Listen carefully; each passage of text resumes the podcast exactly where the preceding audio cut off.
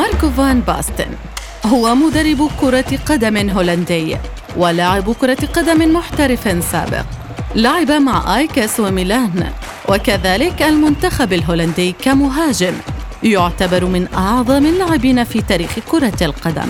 سجل 300 هدف في مسيرته المهنية لكنه لعب مباراته الأخيرة عام 1993 عن عمر يناهز 28 عاماً بسبب إصابة أجبرته على الاعتزال بعد ذلك بعامين.